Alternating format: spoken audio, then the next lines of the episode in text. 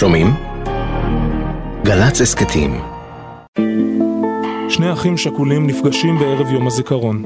לכאורה, אין ביניהם שום חוט מקשר. האחד נולד בגבעת הפועל לבית מפאיניקי, האחר נולד אל תוך משפחה ימנית ציונית לוחמת. אחד פזמונאי, השני שר ממשלה. הם לא נפגשים לעיתים קרובות מדי, הם אינם חברים קרובים, ובכל זאת, כאשר אהוד מנור נכנס לחדר ופוגש בבנימין נתניהו, משהו בשפת הגוף שלהם מתמצת לכדי שתי מילים, שותפות גורל. אני כבר יודע אנשים שמגיעים אליי לאחר הופעה, במבט שלהם, באיזה עניין הם באו אליי, ואני מזהה מיד אם זה העניין של אחי, ושהם עצמם אה, אחים אה, שכולים. אהוד מנור איבד את אחיו הצעיר יהודה בספטמבר 68 בסיני. בנימין נתניהו איבד את אחיו הבכור יוני ביולי 76, כשיוני פיקד על סיירת מטכ"ל בפעולת שחרור החטופים הישראלים מאנטבה. הם יושבים ומשוחחים. חיתוך הדיבור של שניהם מוכר כל כך מהטלוויזיה ומהרדיו, ובכל זאת כאשר נתניהו מספר על יוני ומנור מזכיר את יהודלה, הם אחרים. ולפעמים נדמה לי שאני אפילו רואה אותו ברחוב, אם חייל עובר או מישהו, אני חושב לפעמים שזה הוא. זה מי שנפטרה לפני שנתיים, היא לא הייתה נוהגת לדבר על זה. והייתי רואה אותה יושבת הרבה שעות, עם חיוך אפילו כזה. הייתי שואל אותה, אמא, מה, מה את עושה? אז היא אומרת, אני נזכרת. הלב שלי נשבר במיוחד אה, לאימא שלי, משום שהיא לא התאוששה. אתה יודע שהייתי לפעמים מצלצל אליה ואומר לה, אה, מה נשמע? אז לפעמים הייתה אומרת לי, נהדר. הייתי אומר לה, מה קרה? אז היא אומרת, חלמתי על יודלה. מנור קיבל את ההודעה על נפילת אחיו בשתיים בלילה, בשיחת טלפון, ונאלץ לנסוע לבנימינה לבשר לאמו. גם נתניהו קיבל את הידיעה בשיחת טלפון, הוא היה אז תלמיד באוניברסיטת MIT ונאלץ לנסוע שעות אל אביו בן ציון, ששימש אז פרופסור באוניברסיטת קורנל. נסיעת, מה זה ויה דולורוזה אמיתית? זה נסיעה רצופת ייסורים. אתה יושב שבע שעות בפולקסווגן, נוסע מבוסטון לאיתקה, אני כל הזמן בוכה, מה עשיתי? ישבתי ובכיתי, בכיתי שבע שעות. אחר כך הגענו לשם ועצרנו מרחק מסוים מהבית של אה, אה, הוריי, ואני מתחיל ללכת בשביל לבית, ואני רואה, היה שם מין חלון גדול כזה, של uh, הסלון שלהם.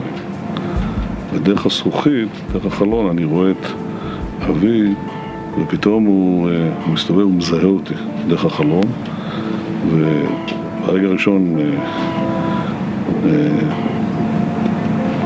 נשפך מין חיוך כזה על פניו, ובבת אחת, בבת אחת הוא התחלף, בשנייה, התחלף לבעתה. כשנכנסתי פנימה הוא זעק זעקה נוראה. גם אני קיבלתי את הידיעה בשתיים בלילה, והרמתי את הטלפון, ושמעתי אה, קול שלא זיהיתי, שהסתבר שזה היה קולה של גיסתי בבנימינה, והיא צעקה בקול שאני לא הבנתי אפילו מה... התברר שהיא אמרה יהודה לעינינו ואני לא זוכר את הדרך לבנימינה, אני רק זוכר שזה נמשך עשרות שנים עד, ש... עד שהגעתי. הדרגה של אם שכולה זה דרגת הגיהנום שאי אפשר בכלל... אה, אה, אי אפשר לעלות... שגם הבן חולק, הבן ששורד, שרואה את ההורים שלו, זה סבל בל יתואר. אתה רואה את ההורים שלך, אתה יודע שהם עוברים גיהנום, זאת אומרת הם אפופים בלהבות הגיהנום שאתה לא יכול לחלץ אותם מזה, אין שום דבר שאתה יכול לעשות. זה ההתנצלות שלהם כלפיך שהם לא מספיק טובים כמו שהם היו יכולים להיות. מנור בחר בכמה מכתבים מתוך מכתבי יוני וערך אותם לכדי שיר חדש. את הטקסט הוא העביר לזמר רמי קליינשטיין שהלחין ושר. ועכשיו שלושתם, נתניהו, קליינשטיין ומנור, יושבים בלשכת השר בירושלים. בחוץ משתוללת שביתה כללית של ההסתדרות, אבל הם עוצרים הכל ומתרכזים בשכול ובשיר החדש.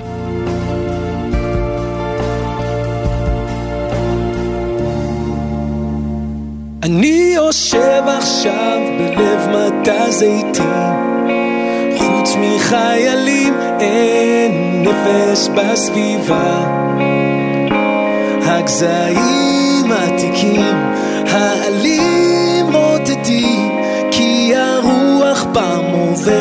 בשלווה. אני רוצה שנהיה כאן לבדנו, שכל הזמן שבעולם עוד לפנינו.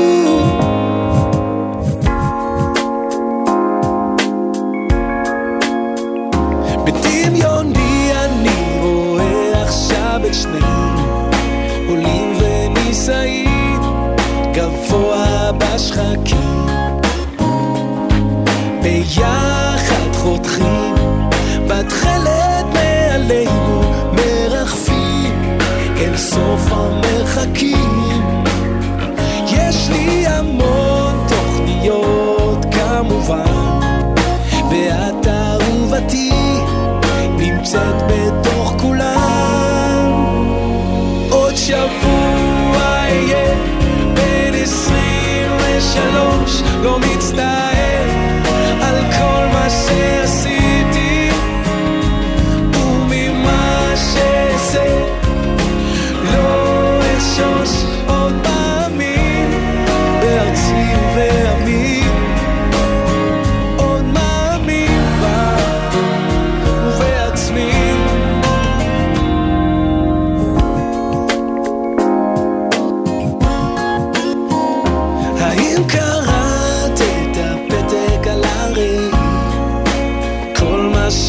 התכתבתי בו נכון בהחלט.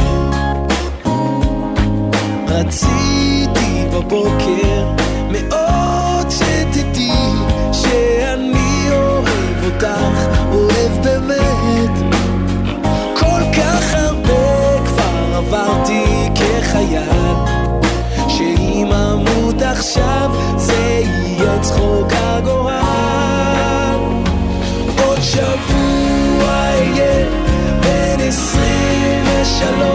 Low each style